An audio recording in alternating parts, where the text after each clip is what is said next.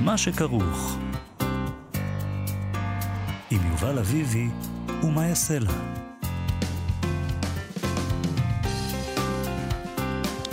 שלום, צהריים טובים, אנחנו מה שכרוך, מגזין הספרות היומי בכאן תרבות, מאיה סלע, יובל אביבי, 104.9 ו-105.3 FM. אפשר למצוא אותנו גם ביישומון, גם באתר של כאן, ביישומוני ההסכתים. איתנו באולפן, תמר בנימין ודימה קרנצוב, אה, שעושים איתנו את התוכנית. שלום לכם, שלום מאיה סלע. שלום יובל, אנחנו עוד מעט נדבר עם המשורר דוד נאור בוחבוט על אה, פסטיבל השירה של תל אביב שיתקיים בשבוע הבא. תהיה שם בין השאר מחווה ליותם ראובני, אה, שנפטר לפני כמה ימים. אה, נדמה לי שאין כמו הפסטיבל הזה, פסטיבל תל אביב לשירה, דווקא לעסוק ביותם ראובני. אה, נבדוק מה מיוחד דווקא בו, יש, לו, יש להם אדג' פשוט. אה, נדבר גם עם המבקר והמתרגם עידו ניצן על ג'ורג' הרברט, משורר אנגלי מהמאה ה-17, אה, שהוא תרגם בספר שרואה אור כעת. ונדבר עם יעד ברגותי שלנו בפינתו ערבית ספרותית. היום אנחנו מדברים איתו על קומיקס. נכון, אה, על קומיקס בערבית, ואני מדבר על פסטיבל קומיקס, ובכלל על כל הדבר הזה אה, בחברה הערבית. אבל נתחיל קודם כל עם פרס ספיר. הבטחנו הימורים. מה יותר חשוב מזה? אה, נאמר שוב, הרשימה הקצרה לפרס ספיר לשנת 2021, שמעון הדף, יניב איצקוביץ', הילה בלום, בוריס זיידמן ודרור משעני, חמישתם התארחו הבוקר אצל עמיתנו אה, גואל פינטו בגם כן תרבות. מה שאנחנו רואים אולי ברשימה הזאת זה תזוזה של הספרות היפה אל עבר זרועותיהן של ההוצאות הקטנות.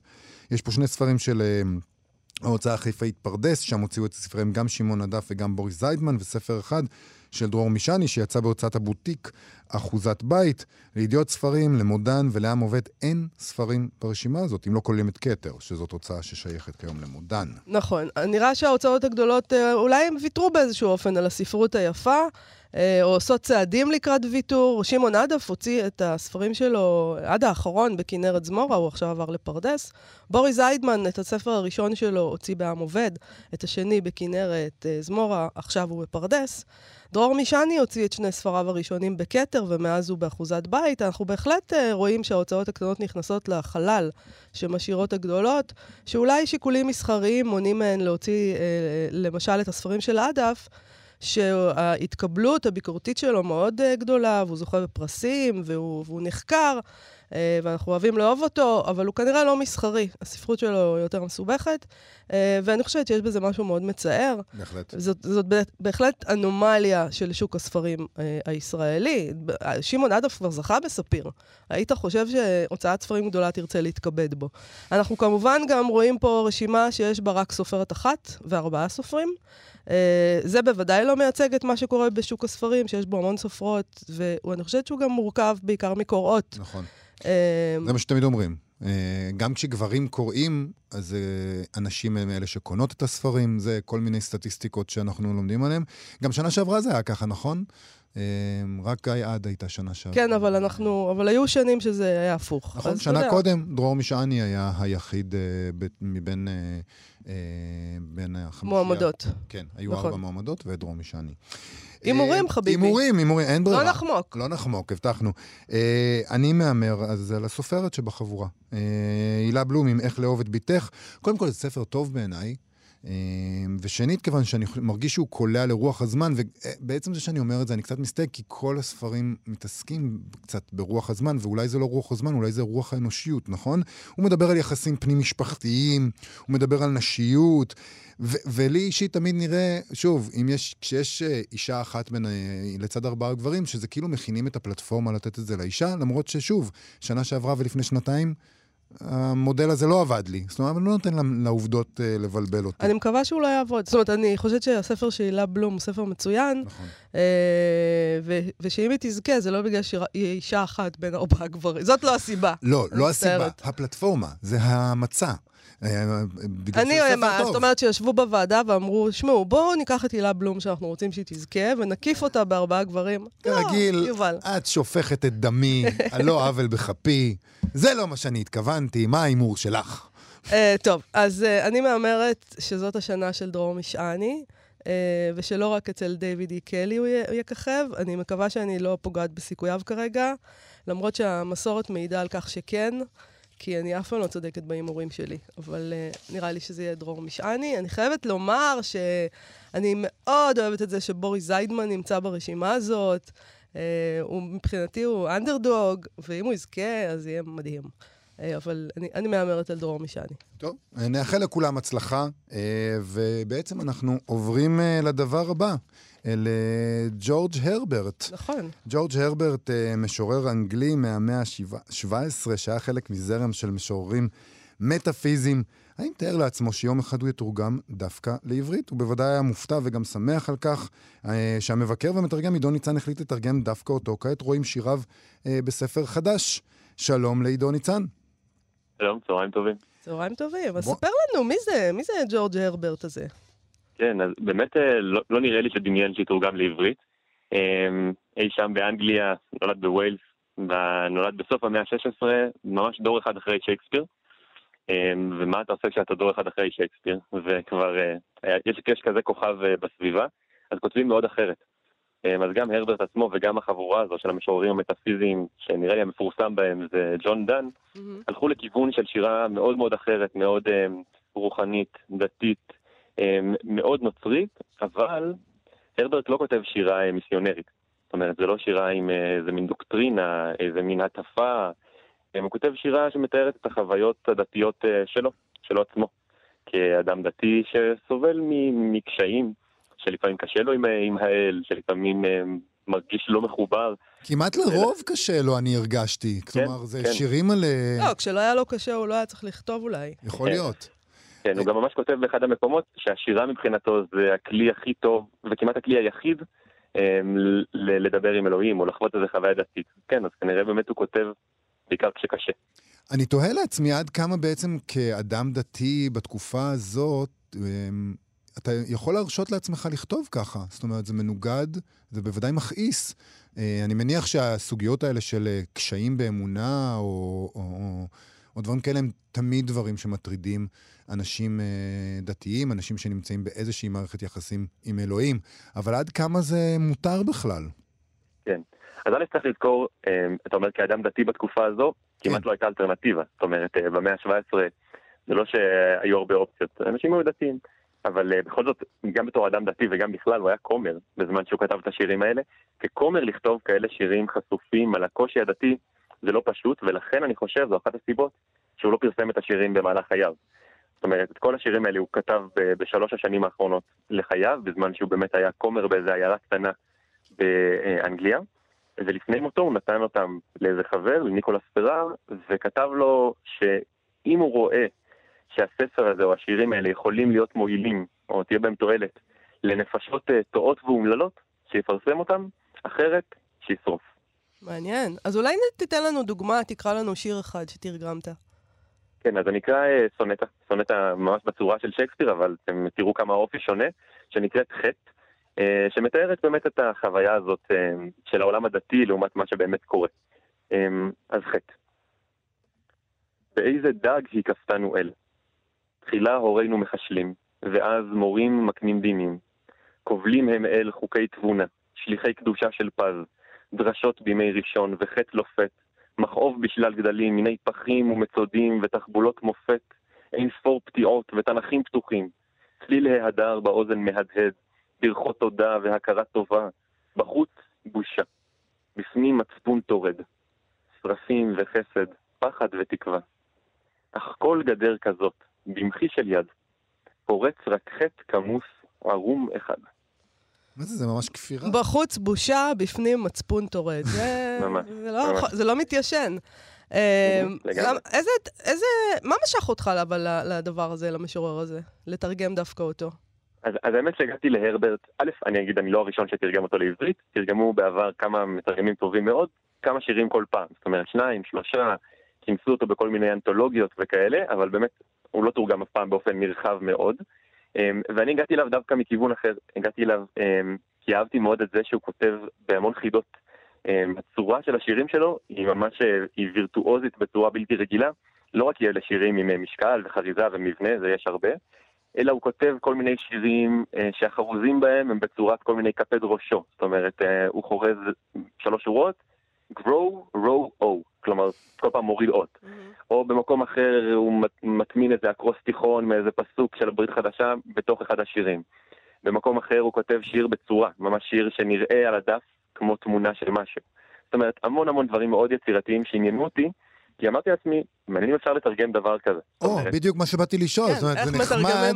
זה כיף לשמוע את זה, וכיף לקרוא את זה במקור, אבל אז אתה אומר לעצמך, אוי ואבוי, אני צריך עכשיו לשמור על כל הדברים האלה. כן, אז באמת בהתחלה זה התחיל כמו לנסות לפתור חידה. ידעתי שיש לי משקל, שיש לי חריזה, שיש לי תוכן שאני צריך להעביר בחזרה לעברית, אה, ושיש לי את הצורות או התחבולות האלה שהוא מכניס בנוסף. וניסיתי לפתור את החידה, סימנתי וי בהתחלה על כל סעיף, זה היה מאוד קשה, מאוד מאתגר, נניח שהצלחתי, אבל אז קראתי ואמרתי, רגע, יצא לי משהו, אבל האם הוא עובר כשיר בעברית? זאת אומרת, האם אה, קורא עברי יוכל לקרוא אותו ולהגיד וואו? אה, ובהתחלה זה לא היה ככה, והרבה מהעבודה הייתה בדיוק זה. אה, להצליח לה- לנסות לשמור על המשקל והחזיזה והצורות והתחבולות וכל הדברים המיוחדים, ועדיין לגרום לזה שזה יהיה שיר שגם בלי לקרוא את כל ההערות שוליים ובלי להבין את כל הרקע, קורא עברי יוכל להגיד, הנה, שיר שאני מבין, שיר שמדבר אליי. אז היו שירים אה, שרצית לתרגם, ואז אמרת לעצמך, טוב, אני... זה אין לא- מצב, לא יכול. זה לא ייכנס לקובץ, לא בגלל ש... לא כי אני, זה לא טוב, לא כי אני לא אוהב את השיר, אלא כי זה פשוט לא יעבור. לא היו הרבה כאלה שאמרתי אה, מלכתחילה שלא, היו כמה שניסיתי ואמרתי, טוב, זה אולי אה, מישהו אה, טוב ממני יצליח, אמ, והשארתי בחוץ, ועדיין אני חושב שכמה מהשירים היותר מתוחכמים שלו הצליחו להיכנס בסוף, עם אה, הרבה, אתה יודע, הרבה יצירתיות והרבה עבודה, זה לא פשוט, אבל... אה, איך באמת שכן. בחרת? יש, אה, יש, לא, לא כל הש... צריך להגיד, אמרת מקודם, תורגמו כבר שירים שלו לעברית, אבל המזבח זה הספר שבידינו, שיצא בהוצאת קשב לשירה, לא אמרנו מקודם. נכון, אה, אז הוא בעצם הספר הראשון שלו המלא שיוצא בעברית, נכון? נכון. אז איך בחרת איזה שירים להעניק לקורא הישראלי? כן, אז א' אני אגיד שפה גם ראוי להגיד אה, הרבה תודה וכל הכבוד לפרופסור רפי וייכרט, שהוא גם המוציא לאור, וגם מי שהאמין בספר ואמר בואו נעשה את זה ובואו ניתן את זה לקוראים. אמ, וגם לפרופסור עמינדב דיקמן שערך את הספר וליווה אותי, והוא מתרגם באמת המון המון שנים והיה המון מה ללמוד ממנו ועדיין יש. אז להם תודה. איך בחרתי? תראה, אמ, יש אמ, להרברט פחות או יותר 170 שירים. זה מה שיש. זה מה ששרד, זה מה שהוא נתן לאותו חבר שהחליט אה, לא, לא לשרוף. אמ, קראתי אותם. וא' ראיתי מה מדבר אליי. זאת אומרת, איזה שירים אה, עושים לי את זה, מה מעניין אותי, מה מסקרן אותי, מה, איזה שיר אומר לי בוא תתרגם אותי. אמ, ולאט לאט בחרתי.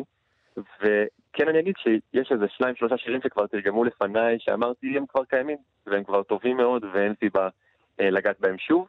יש גם כאלה, שהם גם יהיו, חלקם יהיו מאוד מפורסמים, יש לו באמת, כמו שהזכרתי קודם, שירי תמונה, שיר שיוצר אה, צורה על הדף, יש שיר כזה שנקרא כנפי פסחא, שתרגם כבר פרופסור שמעון זנדבנק, ותרגם יפה מאוד, ואמרתי, בזה אני לא צריך לגעת. אמ, אבל אחרים, כן, שירים שדיברו אליי, שנראו לי מעניינים, שנראו לי שרלוונטיים לקורא ישראלי במאה ה-21, אמ, החלטתי לתרגם דווקא אותם. אז בוא נדבר באמת על הרלוונטיות. עד כמה זה רלוונטי, אה, עד כמה היא רלוונטית שירה כזאת לקורא הזה, הישראלי, במאה ה-21? שירה נוצרית, דתית, אה, אתה יודע, אמונית, כן. אה, בת כמה מאות. אה, זה רלוונטי לנו? אז לדעתי מאוד. אמ, אני אומר ככה, אני חושב שהסיפור של הנצרות קיים אצלו. אין איך, אין איך להפוך את זה, ולא ניסיתי לטשטש את זה. זאת אומרת, לא הפכתי את אה, ישו למשה רבינו, ולא את הכנסייה לבית כנסת. כן. זה קיים ונשאר. תודה לך על זה שלא תודה, כן. שלא עשית. את זה. כן, כן, נראה, לי בתפיסה התרגומית זה נראה לי כמעט מובן מאליו שלא עושים את זה, אבל היו כבר בעבר מתרגמים שניסו לייהד ו- ולגייר טקסטים, אליי זה פחות מדבר.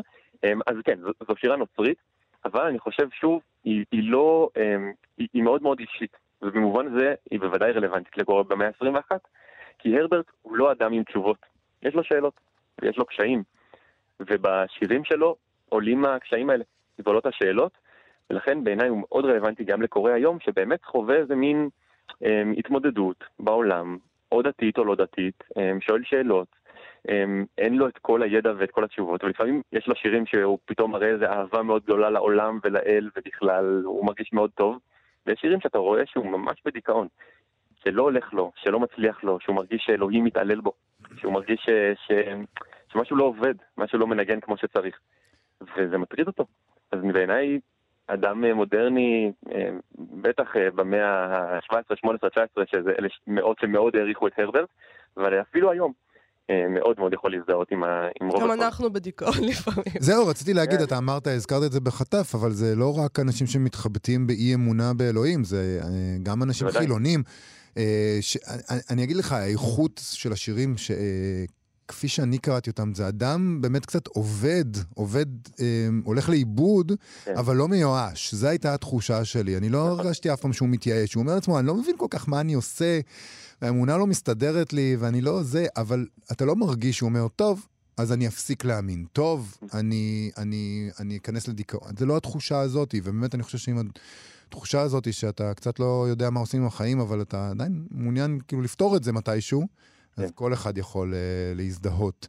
בוא, נכון, אנחנו... ונראה לי שהוא גם מצא מפלט בשירה, שזה אולי הדבר הנוסף שמייחד אותו. אה, שהשירה הייתה לו איזה מין, אה, גם מקום מפלט וגם איזה דרך להוציא את כל ה- כל העיבוד, עיבוד דרך הזה שהוא הולך ומחפש. זה מאוד מעניין, כי הרבה פעמים אנחנו חושבים לעצמנו שהדת היא תשובה לדברים האלה, אבל אצלו הוא הלך לדת, ואז הוא נאלץ למצוא עוד פתרון אחר. כן, כן. אנחנו צריכים לסיים עוד מעט, אבל אנחנו רוצים לבקש ממך לקרוא לנו עוד שיר. אה, מעולה, בשמחה. אני אקרא שיר שנקרא המזג, אה, בטמפר במקור, אה, שבו ממש אפשר לראות את כל ההתחבטויות האלה ואת כל התהליך הנפשי שהוא עובר.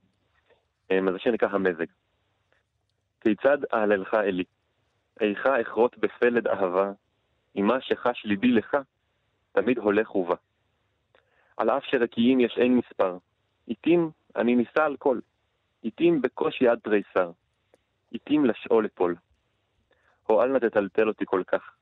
לך מרחבי, שמעון, תבל קטנה מאהולך וקבר, לי ארמון. התתחרה באיש, עד כי תמתח בין רום לשאול גרגר עפר?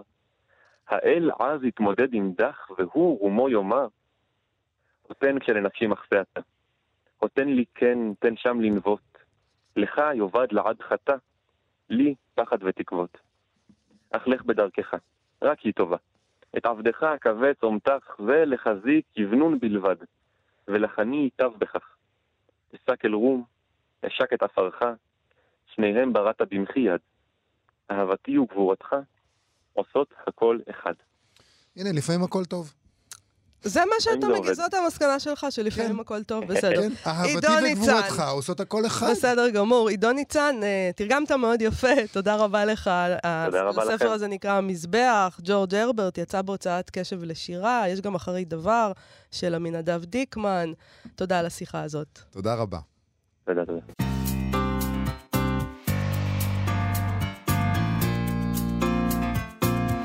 שבוע הבא ביום שני, ה-29 לחודש, ייפתח פסטיבל תל אביב לשירה. שני יוזמי הפסטיבל, דוד נאו בוחבוט ועודד כרמלי, מרימים תמיד אירוע משונן, אוונגרדי ולא מתחנף, וגם הפעם זה נראה ככה, תכף בהחלט. נבקש ממנו לספר לנו על התוכניה הזאת. שלום למשורר דוד נאו בוחבוט. אהלן יובל, היי מאיה, היי. מה שלומכם? תשמע, אנחנו נתחיל אה, קצת... אה, הפסטיבל שלכם נראה כל פעם שהוא בקושי קורה.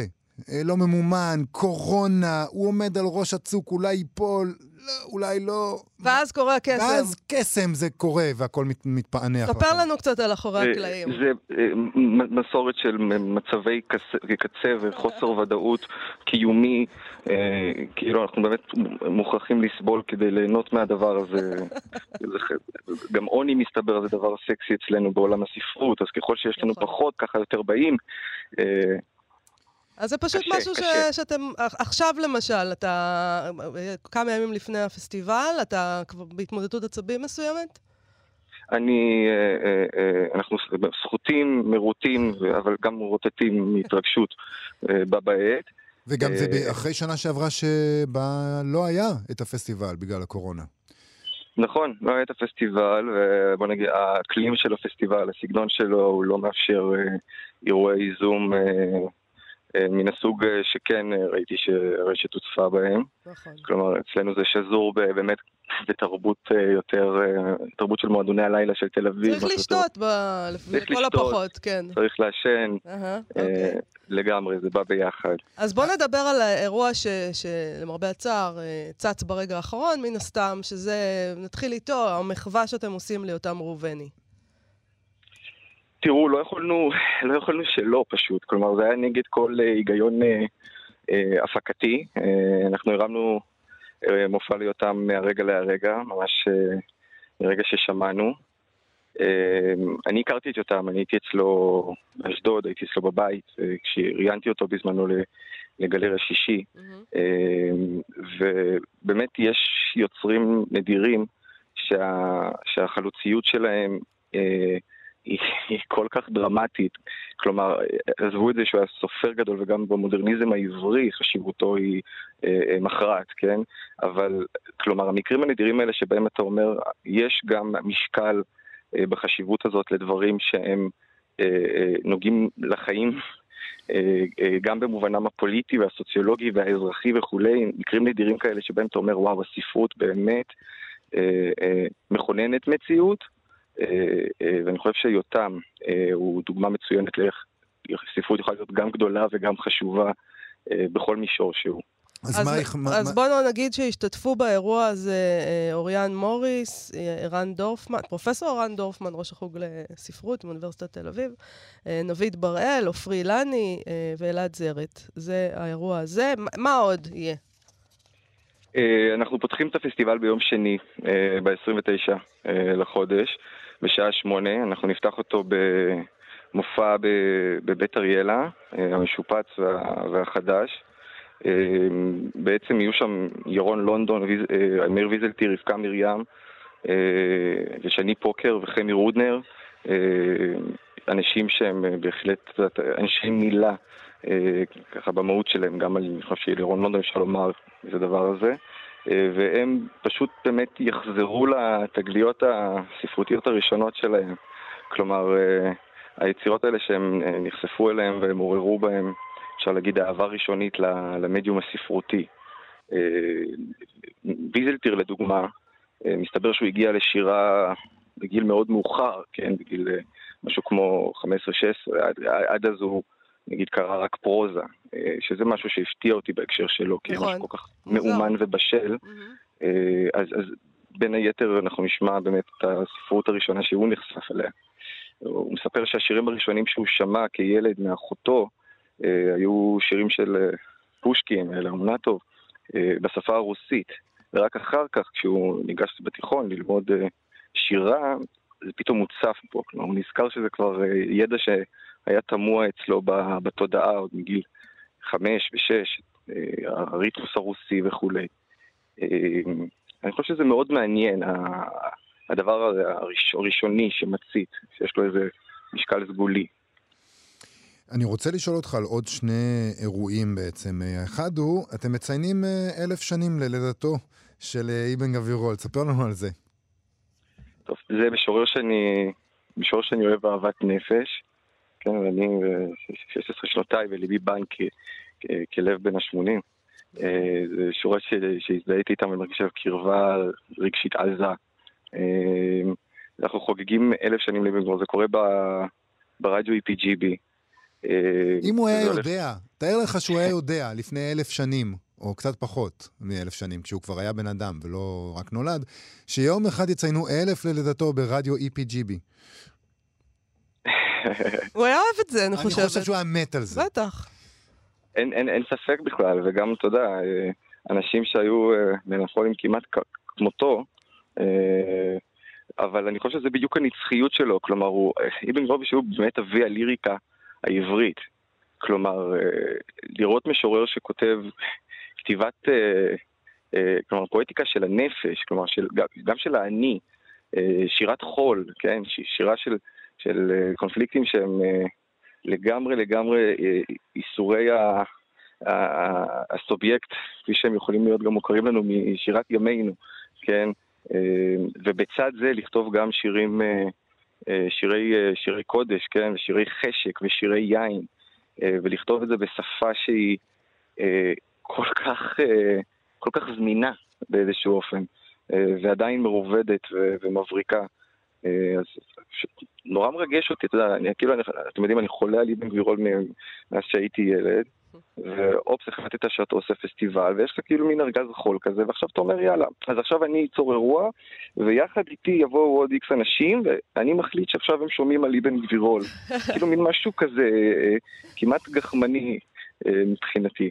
אז זה נג-. נגיד שיהיו שם יעקב ביטון, אריאל הירשפלד, מנשה נוי, אגי משול, אנה הרמן ועמרי לבנת, נכון? זה ביום חמישי בשמונה זה בערב. ביום חמישי. אבל חייבים גם לדבר על עוד דבר. נכון. למחרת, שישי, ב-12 בצהריים, יהיה סיור בביתו של נתן אלתרמן, שאני מבין שזה אחת הפעמים האחרונות לבקר בו. בדירה. כן, טוב, זה איש, ה... איש השטח התל אביבי שלנו.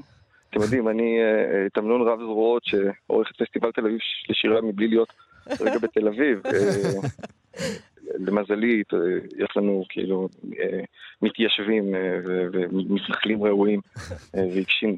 אז כרמלי באמת, זה היה רעיון שלו. הוא עלה על זה בעצם שהדירה הזאת היא, היא אפשרית וזמינה, שדבר כזה יכול לקרות בה. כלומר, ממש סיורים בדירה המיתולוגית של, של אלתרמן, פרופסור דן לאור, שאין בקיא ממנו בכתבים ובביוגרפיה, אתה יודע, לתת את הקונטקסט הראוי, אה, לספר על כל מיני אה, פינות אה, ובדירה עצמה, שפה הוא כתב את זה, ו- ופה אה, אפשר להביא ציטוט ש...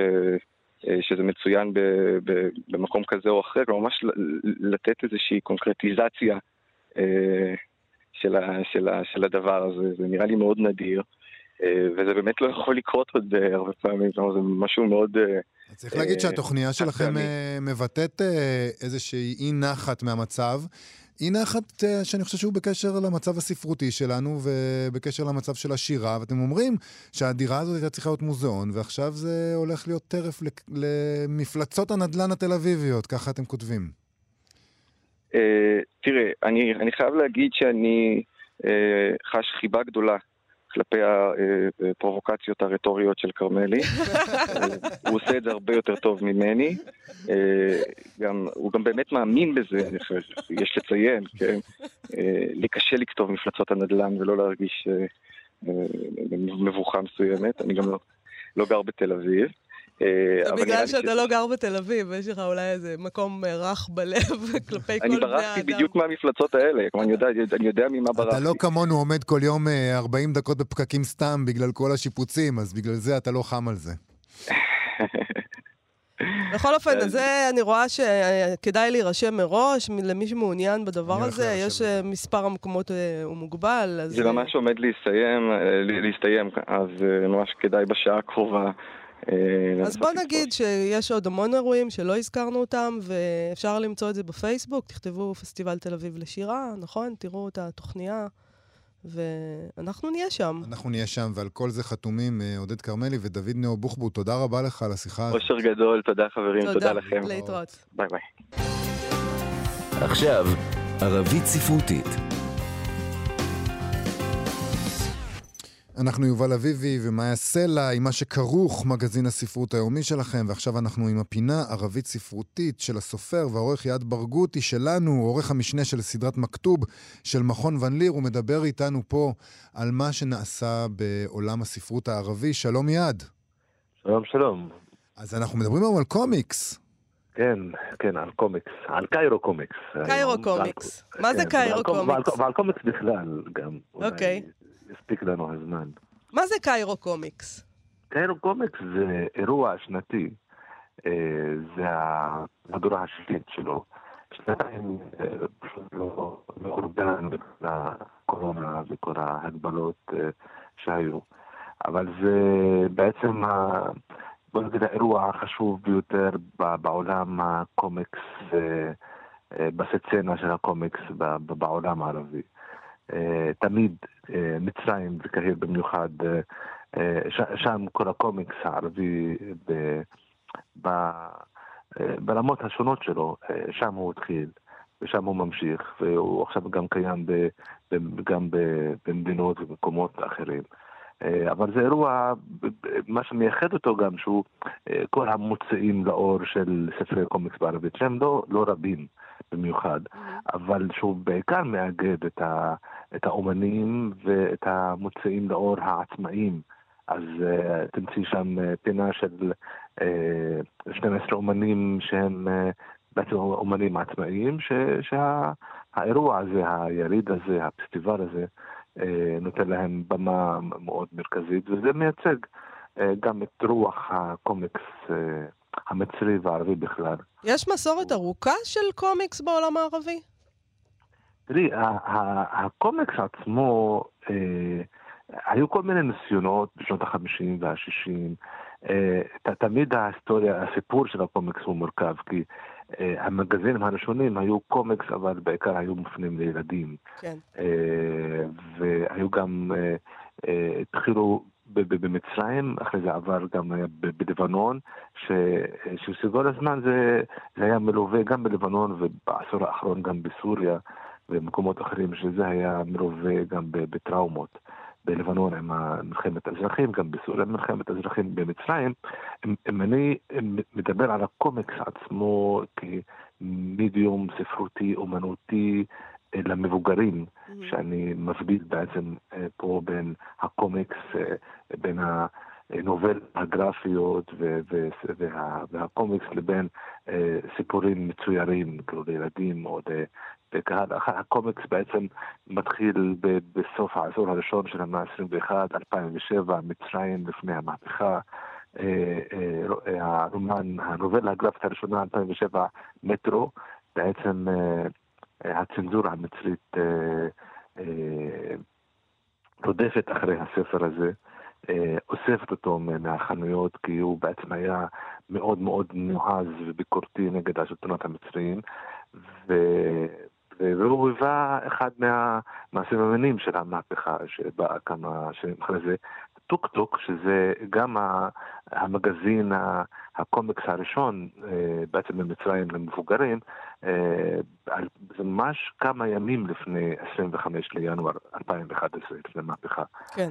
אה, והסיפור הזה, ולכן ההמשכיות של סציונות עצמאיות, זה, זה מסמל גם משהו בתוך אה, מה שגם מתרחש, שעדיין יש צעירים שמנסים לספר את הסיפור בסגנון מיוחד, להגיד דברים שהם ביקורתיים. כי, כי הסגנון הזה של קומיקס ו- ושל אה, רומנים גרפיים וכולי, אחד, הייחוד, אה, אחד המאפיינים המיוחדים שלו זה באמת ביקורתיות מאוד, אה, אתה יודע, משתמשים ככה בסגנון של הציור כדי להכניס בדלת האחורית הרבה מאוד ביקורת, הרבה מאוד חתרנות, הרבה נכון. מאוד רד, תכנים רדיקליים, שלפעמים הספרות הממוסדת פחות נוגעת בהם. זה...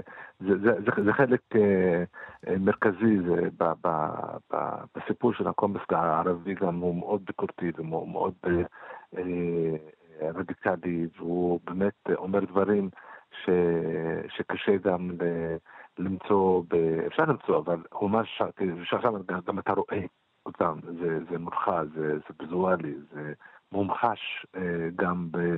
אה, אז זה התחיל ממטרו, אבל אה, המשיך גם ב, ב, בלבנון, ויש גם חלק, חלק מהסצנה, אה, העניין הוא שאני גם חשבתי והתלבטתי גם להציג את העניין של הקומיקס בתוך ערבית ספרותית, כי זו ערבית ספרותית. אבל חשבתי, כן, זה, אבל זה גם מה שכרוך, אז זה, זה גם ספר שהוא כרוך. נכון, אנחנו עוסקים ו... בקומיקס לפעמים וברומנים כן, גרפיים, כן. בהחלט. אה, אני, אני יודע, אבל זה היה, התלבטתי בזה, אבל עצם, ה, וזה לא חלק מה, מהתשובה, על השאלה עצמה, זה גם החתרנות של השפה. אה, שגם בקומיקס, א', אה, בוא נגיד, המבטא המצרי והלבנוני והסורי והמרוקאי, כי יש סצנה גם מעניינת מאוד במרוקו, אה, היא מקבלת ביטוי בתוך הקומיקס.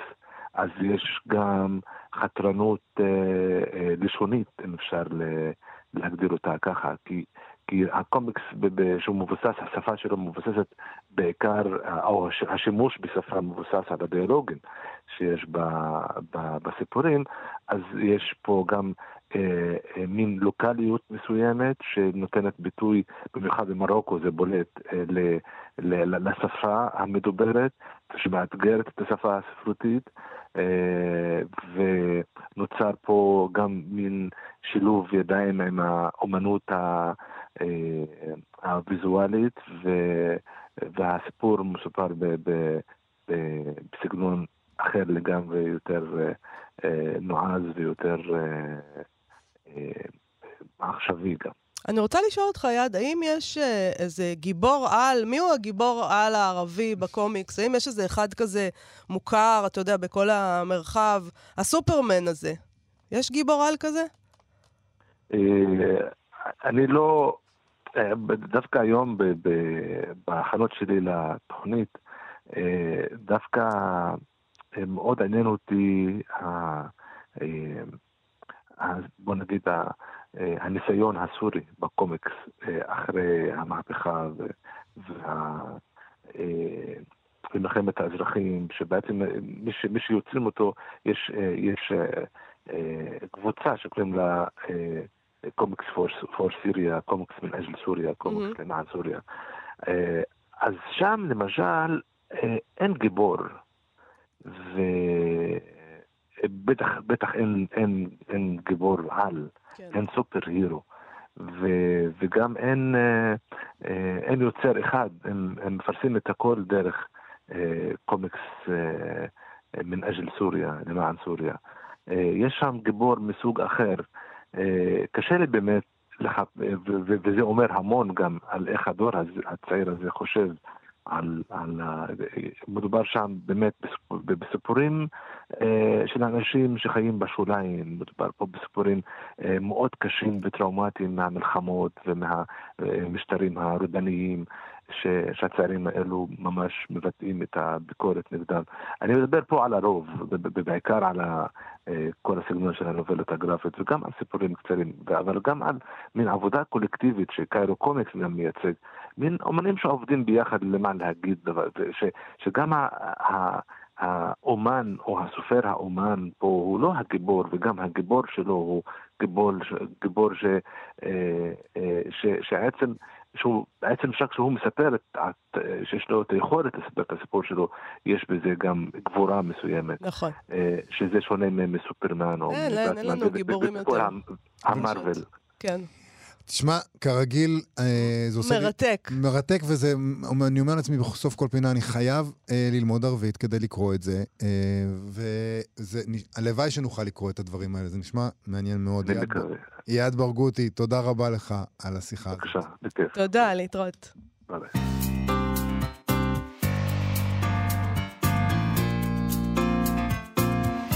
מאיה, דיברנו פה השבוע על ביקורת ספר שכתב מחשב, בעל אינטליגנציה. דיברנו בעבר גם על ביקורת קצרה מאוד של הפרשן הפוליטי עמית סגל על הספר של צחי הנגבי. היא מקפלת את כל הביקורת לתוך מאפיין אחד, הסוגה של הספר, וזה כבר אומר לנו הכל. אז הנה ספר שמראה את שני המאפיינים האלה. סיפור. אה, אה, סיפור, סליחה, שמראה את שני המאפיינים האלה. עולם הביקורת נוטה לכיוון קצרצר. באמצעות uh, אמצעים טכנולוגיים, בזכות אמצעים טכנולוגיים יעילים. בגרדיאן כותבים על פריחת סרטוני ביקורות ספר ברשת החברתית טיק טוק, שמסתפקים ב-15 שניות כדי להביע את דעתם המדויקת על הספר שהם מבקרים. אה, מדובר על בוקטוק, זה חשבונות ספרותיים עם תיוג ספרותי בוקטוק לסרטונים באפליקציה. סרטונים שמשויכים אה, לבוקטוק אה, זכו ל-26 מיליארד צפיות. כן, שמעת? 26 מיליארד. 26 מיליארד צפיות. מתברר שסרטוני ביקורת ספרות, אם אפשר לקרוא להם ככה, יכולים להיות ויראליים. אה, המבקרים יכולים להיות אה, מאוד פופולריים, יש שם... זה המון אנשים. בגרדיאן מספרים על בלוגרית ספרות מניו יורק שהצטרפה לטרנד, ועכשיו אה, יש לה 240 אלף עוקבים. וואו. Uh, חלק מהסרטונים שלה זוכים למיליון צפיות, uh, יש כאלה שיותר. סרטון אחד שלה על ייצוגים להט"בקים בספרות זכה לשמונה מיל, uh, מיליון צפיות. כמה עוקבים יש לך, יובל, בטיקטוק? אפס. בטיקטוק יש לי אפס עגול ומביש. יש לך טיקטוק? לא. אה, נו, אז מה זאת אומרת? אין לך עוקבים, אולי, אתה יודע. אני רוצה לספר לך. שגם לו היה לי טיק טוק, זה לא היה הרבה מעל אפס, ואפשר, אה, יש לנו עדות לזה מחשבונות האינסטגרם שלי למשל, שגם שם אני עובד וזה. בסדר, לא בסדר. לא. נרחם עליך עכשיו. עקבו אחריי באינסטגרם. טוב, הבלוגרית הזאת מתראיינת בכתבה ואומרת שהיא לא ציפתה שיהיו לה צפיות בכלל, ושהיא נורא מופנמת, ויש לה חרדה חברתית, כך שכל העסק תפס אותה בהפתעה ודי הימם אותה, כי מי מצפה לזה שמלעשות סרטונים על ספרים, פתאום יהיו לך מאות אלפי עוקבים. צריך להגיד שהמילה ביקורת באמת קצת גדולה על מה שקורה שם. לרוב מדובר על בעל החשבון מחזיק ספר לכמה שניות, לצלילי איזה מוזיקה פופולרית עם איזה כיתוב חד משמעי, ולרוב חיובי. אה, לפעמים יש גם רצף של תמונות, עם כיתובים כמו חמישה ספרים שיגרמו לכם, יגרמו לכם לבכות בוודאות, ויש כל מיני סגנונות כאלה של סרטונים כאלה, שכאמור אה, זוכים לפופולריות עצומה, ומה אני אגיד לך, אה, יוליסס לא מככב בסרטונים האלה. היית חייב להגיד את זה? אוקיי. עוד מרואיינת, אה, אה, זה פשוט לא יאמן. אה, אגב, אתה התוודעת פה בתוכנית, אז אני לא מרגישה שאני מוכרת אותך כהרגלי. אתה לא גמרת לקרוא את. אז מה גמרתי. אתה- על מה אתה מדבר? אוקיי. עוד מרואיינת בכתבה אומרת שבוקטוק הוא מקום שבו כולם מרגישים בנוח, כי כולם נלהבים לחלוק עם הקהל את הספרים שהם קוראים ולהתעמק בעלילות, בדמויות ועולמות, וכל מה שצריך זה סרטון קצר. טוב, כמובן שלדבר הזה יש גם משמעות כלכלית, כולם רוצים להופיע בסרטונים האלה, הופעה בסרטון שיש לו מאות אלפי צפיות, אה, אולי זה דבר שיכול להתבטא במכירות של מאות ואלפי ספרים. אה, עכשיו לבארנס אנד נובל למשל, שהם הבינו משהו, אז הם, אה, יש להם קטגוריה באתר שלהם, ספרים פופולריים בבוקטוק. ייתכן שהכל אבוד.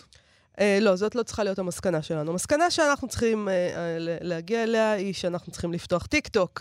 יובל, לא שהכל אבוד.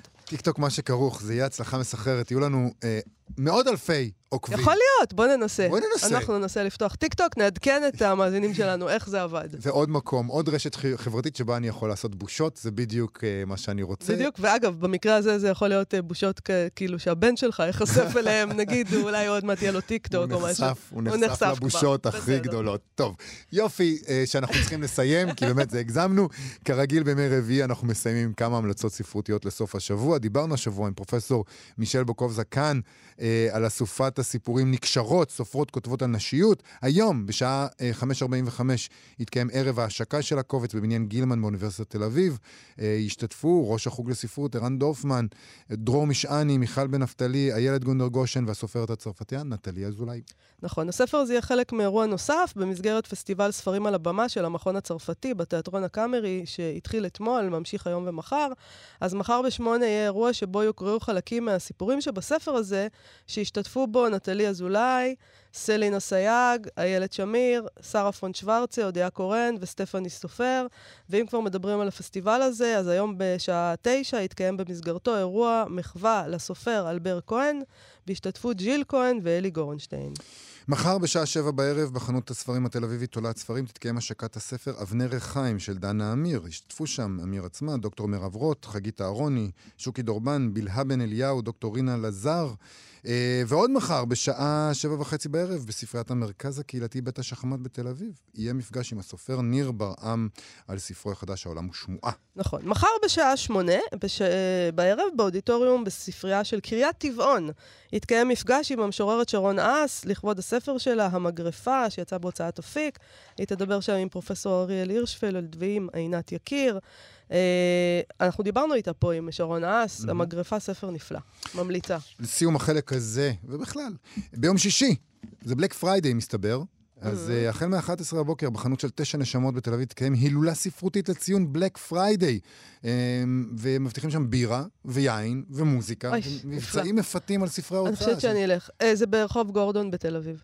אה, טוב, אנחנו צריכים לסיים, יובל. כן. אה, תודה רבה לתמר בנימין ולדימה קרנצוב שעשו איתנו את התוכנית הזאת. בואו לבקר כרגיל בעמוד הפייסבוק שלנו ושל כאן תרבות.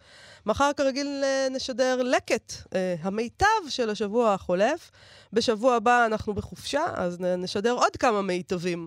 אה, ויש, יש לנו, יש המון. נצטרך לבחור מה הכי יהיה טוב, קשה. יהיה קשה. אה, ואנחנו נהיה פה שוב בעוד שבוע. להתראות. להתראות.